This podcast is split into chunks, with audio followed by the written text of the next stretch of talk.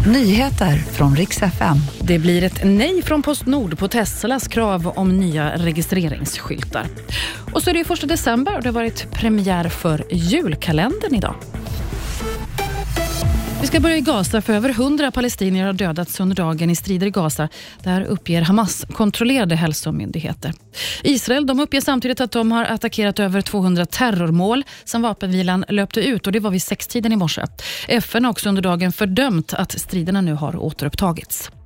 Det blir nej från Postnord på Teslas krav om att dela ut registreringsskyltar. De skriver att de kan inte beordra sina medarbetare att dela ut post till Tesla.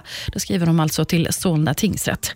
Samtidigt som konflikten nu fortsätter så registrerades också dubbelt så många Tesla-bilar i Sverige under november som i oktober.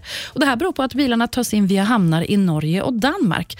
Därför har Transportförbundet nu gått till våra nordiska grannar och ber dem om hjälp att stoppa Tesla-bilarna för att stötta den svenska strejken.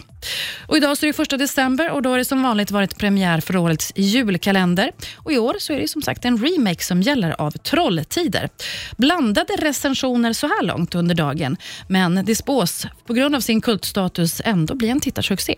För yngre tittare så är ju förstås Trolltider något helt nytt. Gamla referenser finns också med lite här och där för den som har sett originalen som sändes 1979 och sen gick i repris också 1985. Det var nyheterna. Jag heter Maria Granström.